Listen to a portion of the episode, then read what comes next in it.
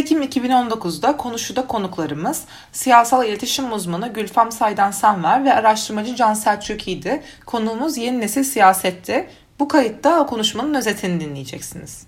Ben de şöyle başlayayım o zaman. Öncelikle Ceren'e çok teşekkür etmek istiyoruz. Bizi de programa dahil ettiği için.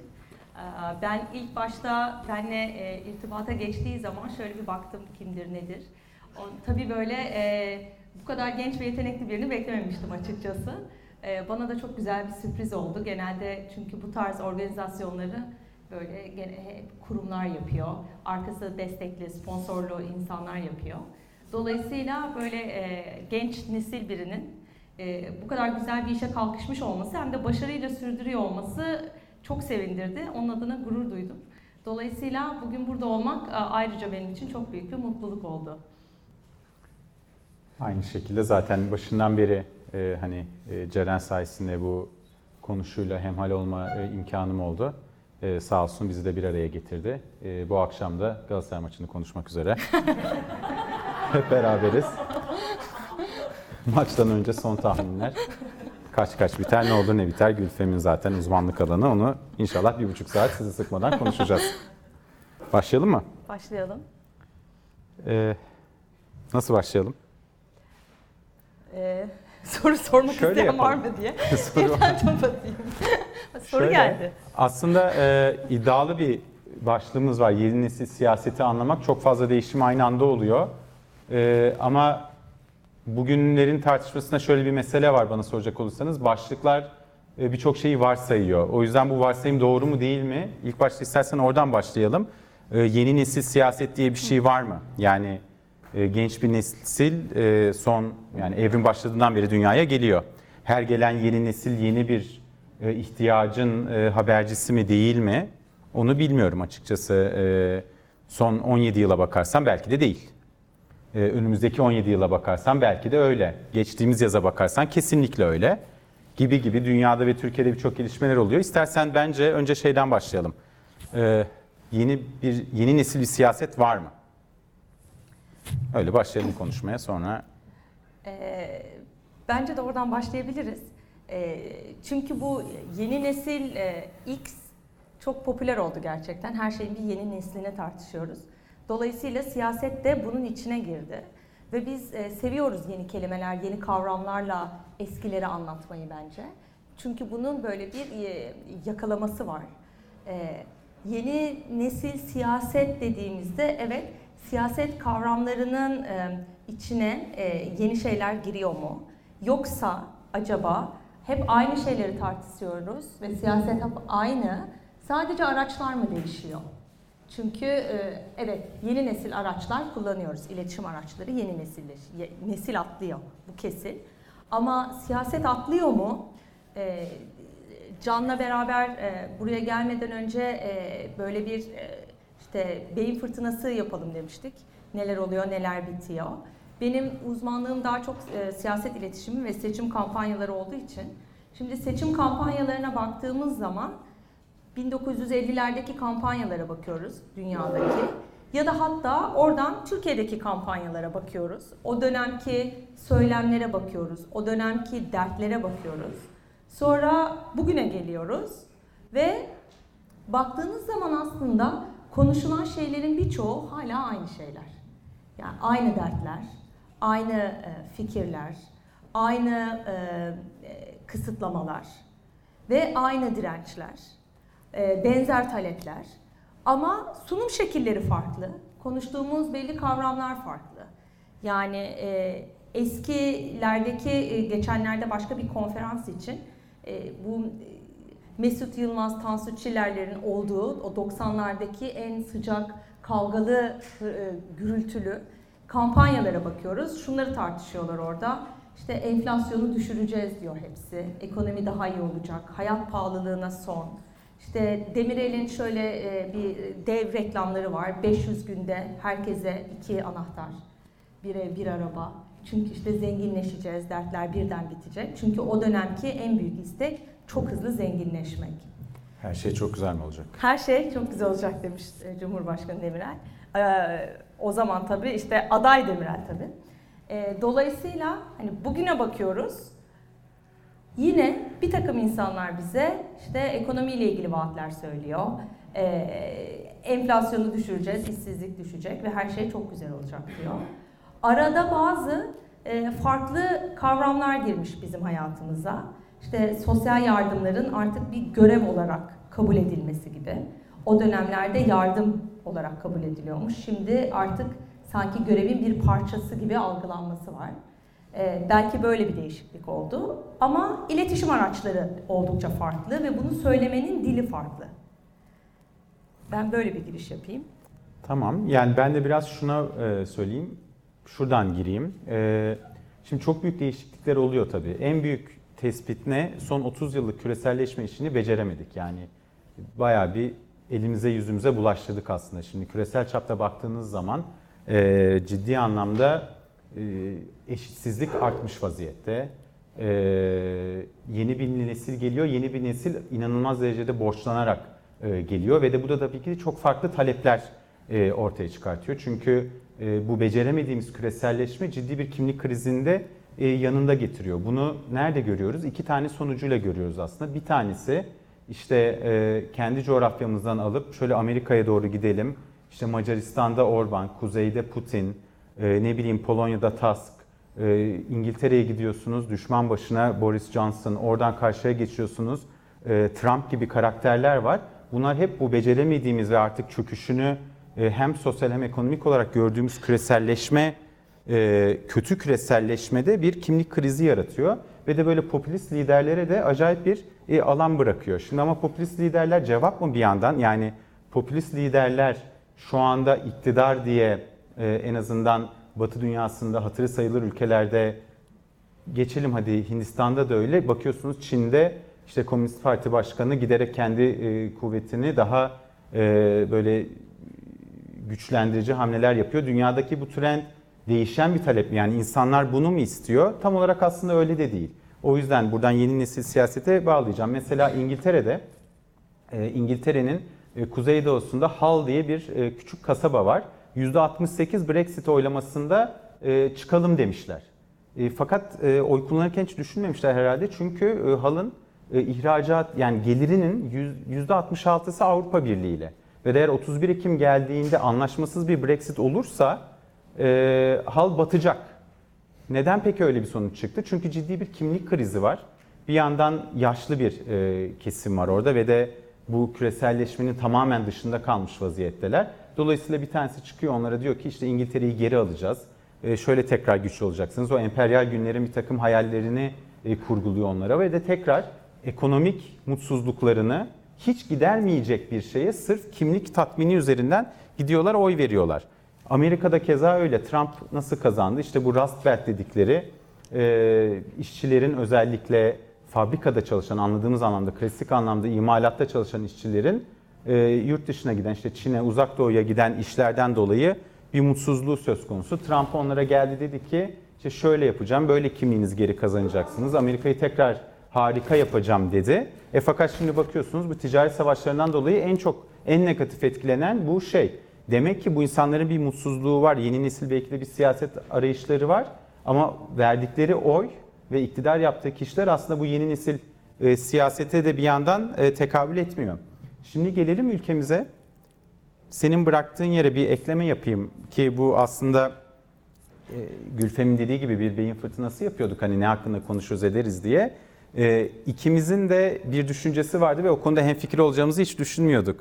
E, Gülfem dedi ki ya dedi bu bayrak asma işi hakkında ne düşünüyorsun seçimlerde dedi.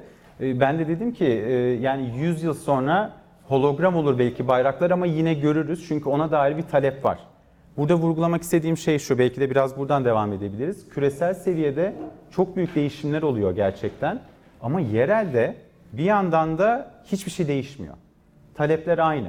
Hala daha bir grup insan, bir grup seçmen istiyor ki mahallesinde mesela bayraklar olsun. E, bir grup seçmen istiyor ki o şeyler dolansın. E, bu kötü kötü şarkılar söyleyen şeyler var ya otobüsler hani sürekli donuyor. Bir grup seçmen de bunu istiyor. Şimdi yeni taleplerle bunu nasıl bir araya koyacaksınız? Yani ters yönde hareket eden bir yeni siyaset beklentisi var gibi. Ne dersin?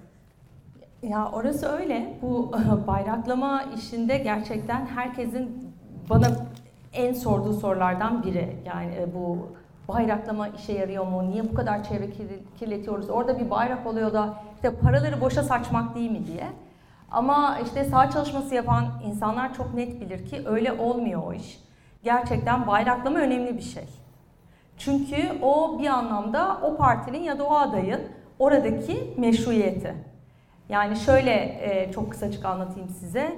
Siz bir adınızı bir duvara yazsanız kaç dakika o duvarda adınız silinmeden kalır?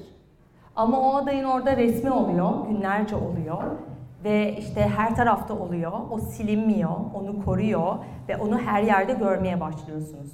Dolayısıyla bunun birkaç anlamı var seçmenin bilinçaltında. Birincisi bu aday güçlü bir aday. Bu kadar her yerde baskın olabiliyor. İkincisi çalışıyor bu parti ki bu kadar bayraklama yapıyor. O bayrakları koruyor, geziyor. Üçüncüsü özellikle parti örgütleri açısından bu bir sahada gezebilmeleri için bir motivasyon. Çünkü kendi aidiyetlerini orada gördükleri zaman o sahada daha rahat davranıyorlar. Siz bayraklama yapmadığınız bir sokakta partileri ev gezmesi de yaptırmanız çok zorlaşır. Çünkü kendilerini orada yabancı hissederler. Dolayısıyla bu böyle bir döngü halinde. Kendilerini rahat hissedecekleri bir ortamda daha fazla çalışıyorlar. Daha çok çalıştıkça daha çok yayılıyorlar gibi. Dolayısıyla evet işte bu kadar biz dijital iletişim diyoruz. Her şey artık dijitalleşiyor diyoruz. Ama geliyoruz en ilkel hala iletişim yöntemi şeyle sokaklarda o bayrakları asalım mı? Cevabı evet. E, Amerika'daki seçimlere bakıyorsunuz bu arada. İşte Obama mesela ilk dijital başkan deniyordu, ilk sosyal medya başkanı. Ama seçim kampanyasını yapanlarından dinlerseniz eğer ya da kampanya incelediğiniz zaman çok net bir şey görüyorsunuz. O da şu, evet dijitalde çok iletişim yapıyorlar ve çok ciddi bütçeler harcıyorlar. Ama bunu en çok sahada gezecek insanları bulabilmek için yapıyorlar. Yani dijitalin en büyük yatırımı onlar için sahada gezecek, çalışma yapacak insan bulmak ve fon toplamak. Çünkü hala iletişimde biz şunu biliyoruz ki birebir iletişim kadar iknada etkili hiçbir şey yok. Birebir iletişimde de aslında sizin tanıdığınız birinden duyduğunuz bir şey. Dolayısıyla orada yapılan ana hikaye evet dijitalde insanları yakalayalım, gruplayalım ve öyle bir çalışma sistemine sokalım ki o gitsin komşusunu anlatsın. Çünkü iknadaki en etkili şey o. Hatta bunu çok farklı algoritmalarla birleştirmişler. İşte çocukları aynı e, futbol takımında oynayanları, anne babaları bulmuşlar. Oradaki velileri gidip oradaki velilere konuşturmak gibi. Ama dönüp dolaşıyoruz milyarlık bir bütçe dijital kampanyası ama yapılan ve güvendikleri en etkili yöntemleri hala o insanları sahaya sürüp orada birebir de insanlarla görüştürmek. Dolayısıyla biz bazen siyasette ne yapabiliriz diye konuştuğumuz zaman e, en yapabileceğiniz şey birini gidip yüzde yüz yüze ikna etmeye çalışmak. Bunlar değişmeyenler. Bir yandan da aslında Türkiye'ye bakıyorsunuz tabii ki değişenler de var. Şimdi e, araştırmalarımızda şunu görüyoruz. Türkiye'de artık yeni şu ana kadar Türkiye'de hiç olmayan demografikler devreye giriyor. Nedir bunlardan bir tanesi mesela? E, mesela artık Türkiye'de e, okumuş, dini anlamda muhafazakar genç anne babalar var. Kendi kararlarını veriyorlar. E, rekabette yerlerin iş piyasasında, emek piyasasında rekabette yerlerini almış vaziyetteler. Oy verme tercihlerini artık anne babalarının dediği gibi yapmıyorlar da e, kendi çocuklarının menfaati için ne lazımsa hangisi iyi gelecekse o doğrultuda yapıyorlar. Mesela Türkiye'de bu son 10 yıldır e, olan e, bir demografik. Aramızda e, sahayı çok iyi bilen araştırmacılar da var. Onlar da e, bana katılırlar. Yani Türkiye'de daha önce mesela böyle bir demografik yoktu ve kuşkusuz bu kitle mesela sorduğunuz zaman dini açıdan muhafazakar ama çocuğunu imam hatipe yollamak istemiyor. Neden? Çünkü kendisi bir şekilde emek piyasasında rekabet edebilir bir eğitim almış ve de çalışıyor. Belki çok uluslu bir yerde çalışıyor, belki beyaz yaka olarak çalışıyor ve de biliyor ki çocuğunun e, aynı yoldan geçebilmesi ve rekabet edebilmesinin yolu iyi bir dini eğitim almasından değil, iyi bir pozitif eğitim almasından geçiyor. Ha bununla beraber dini eğitimini çok önemsiyor ama onun ikame edecek birçok şey var. İşte Kur'an kursu var, kendi eğitim var, anneanneler, dedeler var gibi gibi böyle yeni demografikler giriyor. Şimdi bu bir tarafta. Diğer taraftan da şimdi 1915'ten bugüne gelirsek bugün durduğumuz yerde Türkiye'de artık birbirine zulmetmeyen grup kalmadı. Şimdi şöyle bir sayalım. Gayrimüslimler. Ee, eskiden uzun tarihte, yakın geçmişte şimdi Kürtler, Aleviler, Kemalistler, Atatürkçüler, dindarlar, laikler. Yani bu saydığım gruplardan hiçbiri, daha doğrusu saydığım grupların tamamı öyle ya da böyle bu ülkede birbirinden zulüm gördü. Birisininki daha fazla olabilir, diğerininki daha az olabilir ayrı bir konu. Ama şu anda bence Türkiye'de tarihin neredeyse sıfırlanma şeyine geldik. Ee, yani o tabii e, Huntington tar- pardon e, neydi adamın adı Mert? Fukuyama tarafından çok talihsiz bir şeydi e, tespitti ama e, bugün geldiğimizde Türkiye'nin e, tarihi aslında e, sıfırlanmış vaziyette. Çünkü artık kimse bana soracak olursanız e, benim başıma bunlar geldi sıra bende deme hakkına sahip değil Türkiye'de. Dolayısıyla yeni bir mutabakat için aslında zaman geldi. Belki de yeni nesil e, siyaseti tanımlarken bu yeni mutabakatı e, konuşmak lazım. Yani evet e, karanlık günlerden geçiyor olabiliriz. Evet yaşadığınız ülke bir müddettir ideal bir şey olmayabilir.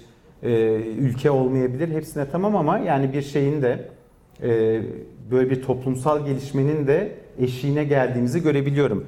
Yeni bir mutabakat yapılacak. Şimdi son seçim biraz bunun işaretlerini verdi gibi. Evet ama orada da şöyle bir durum var. Biz bu işte yeni mutabakat dediğimiz zaman yeni şeyler konuşan insanlar, işte biraz önce Can saydı birçok popülist lider. Ama şunu unutmuyor olmak gerekiyor. Hep bu yeni popülist liderlerden biz konuşurken şöyle bir algı oluyor. Sanki bir sabah bu adamlar çıktı ve aday oldu ve birden bu düşünceleri yaymaya başladılar. Bakacak olursak hepsi o ülkedeki en köklü partinin adayları aslında. Yani Boris Johnson dediğimiz kişi muhafazakar partide olmasaydı böyle bir Brexit etkisi yaratabilir miydi? Ya da Trump aslında cumhuriyetçilerin adayı. Sonuçta sadece tek başına çıkmış ve böyle birden bağımsız şeyler söylüyormuş. Yepyeni insanlarmış gibi düşünüyoruz biz bunları.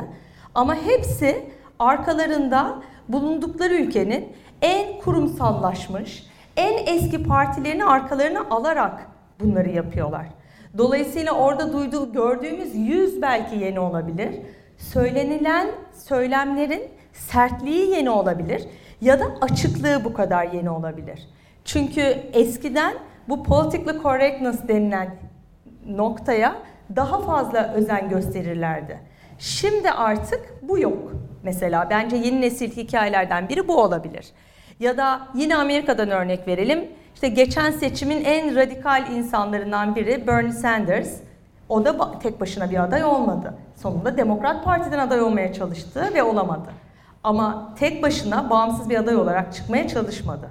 Dolayısıyla evet biz yeni nesil bir takım şeyler konuşacaksak eğer arkamızda bu kadar kalıplaşmış, bu kadar geleneksel, bu kadar eskinin bagajını da taşıyan partilerle biz zaten yepyeni bir şeyler konuşabilir miyiz? Ben, bir de belki buna bakıyor olmak gerekiyor. Yani orada bence talep biraz şekilleniyor. Şöyle e, mesela şimdi Türkiye'de baktığınız zaman en yani geziden bugüne alalım. Daha böyle hani kısa vadeli bir bakış açısı yapalım. Toplumun en büyük toplumsal hareketler hep çevre duyarlılığından gelmiş vaziyette. Bugün Karadeniz'e gidin, Doğu'ya gidin, Gezi'ye bakın. Hep bir çevre kaygısıyla çıktı ama şu ana kadar şey bir parti çıkamadı mesela. Yani bu çevre şeyini yani bu yatay çevre kaygısını e, bir siyasi parti e, tam olarak karşılayıp e, örgütleyemedi. Ama bana kalacak olursa önümüzdeki dönemde öyle hani çok pembe tablolar çizmek istemiyorum ama bu talebin artık örgütlenme vakti geldi gibi geliyor bana ama öyle bir talep var ki çok zor da bir iş. Çünkü beş benzemesi bir araya getirmeye çalışıyorsunuz. Hem talep olarak hem jenerasyon olarak. Şimdi bayrak asma muhabbetine geri dönelim. Türkiye'de çok büyük bir kesim için mesela seçim nedir? Seçim dediğiniz şey kahvedeki statünüzle alakalı bir şeydir. Yani siz pazar günü seçim olur, pazartesi günü kahvede daha itibarlı bir şekilde mi oturacaksınız? Sizin mensup olduğunuz partinin e, ilçe başkanı, il başkanı daha sözü geçer bir adam olduğu nispetle sizin kahvedeki statünüz artar. Çok basitleştirerek anlatıyorum gayet tabii. Olmadığı nispette de azalır. Dolayısıyla böyle bir takım çok temel talepler var. Bir taraftan da çok karışık talepler var. İşte mesela yeni nesil siyaset diyoruz. Bu dijitale çok önem veriyoruz ama bizim araştırmalarımız gösteriyor ki Türkiye'deki e, siya, e, talep hala daha ciddi siyasetçilerden yana mesela. Şimdi bu aralar çok meşhur. İşte e, dans eden lider, işte e, böyle ben de gencim vardır ya böyle babalarımızın biraz garip böyle tam muhabbet edemeyen arkadaşlar işte ben de sizdenim diyen e, liderler ama bizim toplumun talebine baktığımız zaman mesela ben şunu hala daha görüyorum. Bizim toplumumuz hala daha Sabri Bey gibi liderler istiyor. Yani salona şöyle bir baktığımda 90'larda pazar günlerini bizimkiler izlemiş bir e, kitle görüyorum. Sabri Bey neydi o örnek? E, kimse sevmezdi, herkes arkasından konuşurdu fakat çok ciddiydi. Sabri Bey asla çalmazdı, çok iyi hesap tutardı. Küçük küçük avantaları olurdu. İşte Cafer'i zorlardı, katili zorlardı falan ama Sabri Bey günün sonunda ciddi bir şeydi ve o yüzden 6 kez üst üste e, şeyde seçimi kazanmıştır. E, apartmanda apartman yöneticiliği seçimini kazanmıştır. Mesela böyle talepler de şey olmuyor ve bu talepler de devam ediyor. Dolayısıyla yeni nesil siyaset aslında bir araya getirmek de çok zor. Bir yandan çok eskinin şeyleri var. E, talepleri ve alışkanlıkları var. Bir yandan da işte çevre, iyi işler, LGBT hakları, e, işte azınlık hakları, ana dilde eğitim gibi gibi e, toplumun ekseriyetinin çok zor bulduğu şeyleri bir araya getirmek var. Bunları nasıl bir yeni siyaset bir araya getirebilir veya getirebilir mi? Çünkü getiremediği yerde eski siyaset sürekli kazanmak zorunda. Orası kesin. Diğer yandan da bence e, bizim de e, yeni akımlara karşı o mış gibi yapmak gibi bir durumumuz da var. Hatta şimdi buna İngilizce virtue sign, signaling deniyor. Yani nedir o? Aslında siz mış gibi yapıyorsunuz çünkü öyleymiş gibi gözükmek güzel bir şey. Yani ne diyeyim işte karbon salınımına hepimiz karşıyız. Bunun bir alt açılımı var. İşte ben aslında çevreye karşı duyarlı, iyi bir insanım. Çünkü ben çevreye karşı duyarlı ve öyle bir iyi, erdemli iyi bir insanım desem size ne kadar kibirlisin diyeceksiniz. Ama ben bunu bambaşka kelimelerle bugün izah ediyorum. Ama bir şey yapıyor muyum? Yok. Gayet arabamı kullanarak buraya geliyorum değil mi? O zaman herkesin bir de böyle bir mış gibi yapan bir dünyası var. Dolayısıyla bu birçok şimdi burada iki çok değerli araştırmacı varken benim araştırmalardan konuşmam çok doğru olmaz ama birçok bu tarz konularda araştırma yaptığınız zaman ortaya çıkan şeyleri ben sahadaki verilerle karşılaştırdığım zaman net bir şekilde yalan olduğunu görüyorum.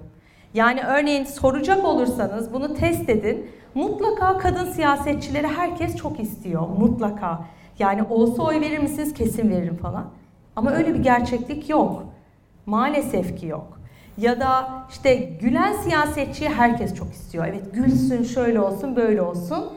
Ama altta hep böyle bir meydan okusun, bir diş göstersin, bir hırs yapsın isteğimiz de var. Dolayısıyla bizim bir de böyle bir sürekli bir mışlarımız var ve o mışları düşündüğümüz zaman niye savunan biri yok diyoruz. Çünkü maalesef ki gerçekliği şu, karşılığı yok aslında. Şimdi mesela herkes bu betonlaşmaya karşı değil mi? Herkes her fırsatta buna karşı bir şeyler söylüyor. İşte e, bir deprem atlattık. Tekrar bu gündemler, e, bu konular gündeme geldi. Ama mesela böyle gittiğim yerlerde soruyorum. Yani herkes karşı mı? Evet herkes karşı. Kaç kişi mesela e, bu şey inşaat affından e, yararlandı diyorum. E salonun yarısı yararlanmış çıkıyor. Şimdi karşısınız tamam ama siyasetçi o affı da versin istiyorsun bir yandan da tam da dediğine e, geliyor aslında. Yani biz hani boş zamanlarınızda ne yapıyorsunuz dediğimizde %50'si belgesel izliyorum diyor. Onun gibi bir şey. İzlenmiyor o belgesel ve de bu e, insanlar o affı istiyor ama bir yandan da betonlaşmasın istiyor. Yani e, hem aşk hem hürriyet bir arada olmuyor. Dolayısıyla aslında Gülfem'in de galiba oraya geliyoruz. Birçok yenilik oluyormuş gibi, toplum birçok şeye talep ediyormuş gibi gözüküyor ama oy vermeye gelince iş bu talep doğrultusunda siyasi bir tercih yapmaya, siyasi bir ürün satın almaya geldiği zaman aslında belki de yeni bir siyaset şeyi yok. Yeni nesil bir siyaset beklentisi yok dediğin gibi.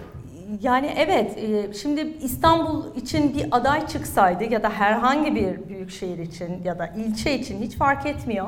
Çıkıp işte iklim e, sözleşmelerinden bahsetseydi, depreme karşı alınacak önlemlerden bahsetseydi, sanata sporu olan yatırımlardan bahsetseydi kazanma şansı ne olabilirdi? Sıfır. Siz hiçbir yerel seçimi hatta hiçbir seçimi kent yoksulluğunda savaştan bahsetmeden, işsizlikten bahsetmeden ya da kalkınmadan bahsetmeden kazanma ihtimaliniz yok. Zaten öyle ki normalde bir belediye başkanının görevi midir istihdam yaratmak? Hiç alakası yok. Belediye başkanının görevi midir yerelden bir kalkınma projeleri yaratmak? Hiç alakası yok. Ama işte beklenti öyle olduğu için bütün belediye başkanları istihdamdan bahsediyor örneğin. Bütün belediye başkanı yerel kalkınma, ekonomi programlarından bahsediyorlar. Sanki parti kuruyorlarmışçasına. Neden? Çünkü aslında beklenti o. Evet baktığınız zaman sosyal medyada istihdam oranlarından daha fazla paylaşılıyor küresel ısınma. Orayı dinleyecek olursak biz o dijitali, evet orada çok tıklanıyor. Küresel ısınma dediğiniz şey çok tıklanıyor. İşte Greta çok izleniyor. İşte iklim değişiklikleri evet çok e, popüler konular.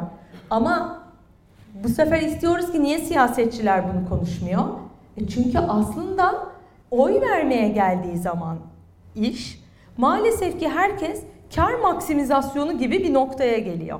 Ve o kar maksimizasyonu kısa vadeli bir şey daha karlı onlar için. Dolayısıyla iklim değişikliği bir anlamda ölü bir yatırım oluyor.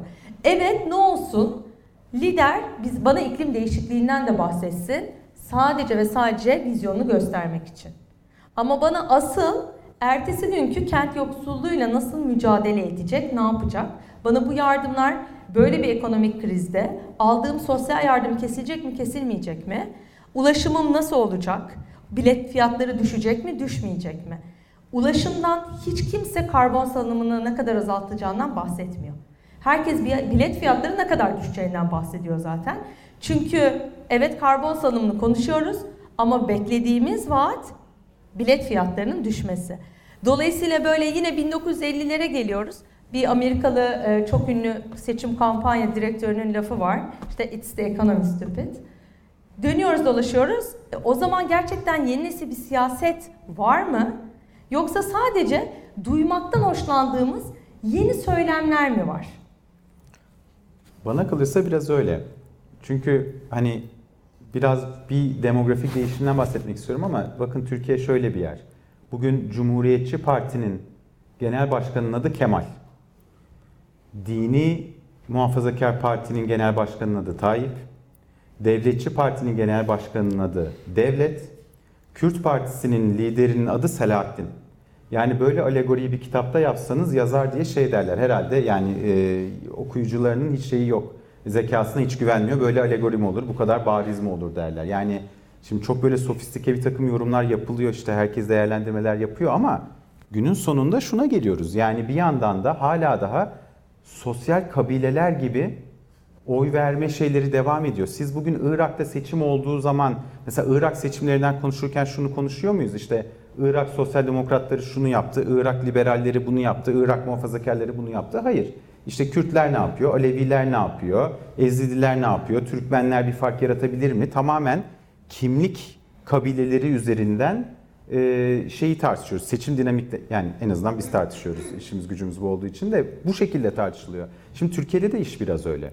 Türkiye'de de e, bereket hala daha tamamen e, dini ve milli kimlik üzerinden tartışılmıyor ama sosyal kabileler üzerinden çok dikey olarak tartışılıyor. Yani yataydaki konular yok. Yani e, işte problemi ortaklaşan e, Kürt ve Türk işçinin beraber hareket etmesi gibi bir hayal zaten kurmayacağım. O uzun zamandır yok da işte iklim konusunda ortaklaşanlar da e, beraber hareket etmiyor. Kent fakirliği konusunda ortaklaşanlar da e, beraber e, hareket etmiyor ve de siyasi partiler tabii ki de bunun çok bilincinde. E, onlar da talep gibi, mişmiş gibi yapıyor. Ama hal böyleyken çok yeni bir şey de oluyor bana soracak olursan. Gelmeden rakamlara baktım. Seçimlerin 2023'te olduğunu varsayarsak 2023'te son seçimde oy kullanmayan 6 milyon şey yeni seçmen var. Bugün bir yazı okudum mesela. Ee, şey, e, Trump'ın şu anda 14-17 yaş arası Amerikalılara olan etkisine bakmışlar. Ve de mesela normalde anne babadan dolayı cumhuriyetçiyim diyen ve de 2016'da Trump'ı destekleyen e, çocuklar e, şu anda mesela o kadar kötü gidiyor ki Trump ve o kadar negatif bir hava var ki ülkede şey sonucu bulmuşlar mesela. E, demokratları desteklemeye eğilimleri olduğunu veyahut daha liberal e, düşünceleri e, olduğuna dair e, şeyler bulmuşlar. Türkiye'de de bir yandan 6 milyon yeni seçmen geliyor. Düşünsene %10'dan fazla ve bir o kadar da gidiyor bu arada. Yani ciddi anlamda şey oluyor. Çünkü 65 üstü işte onlar da. Evet ama işte orada mesela Trump niye düşüşte?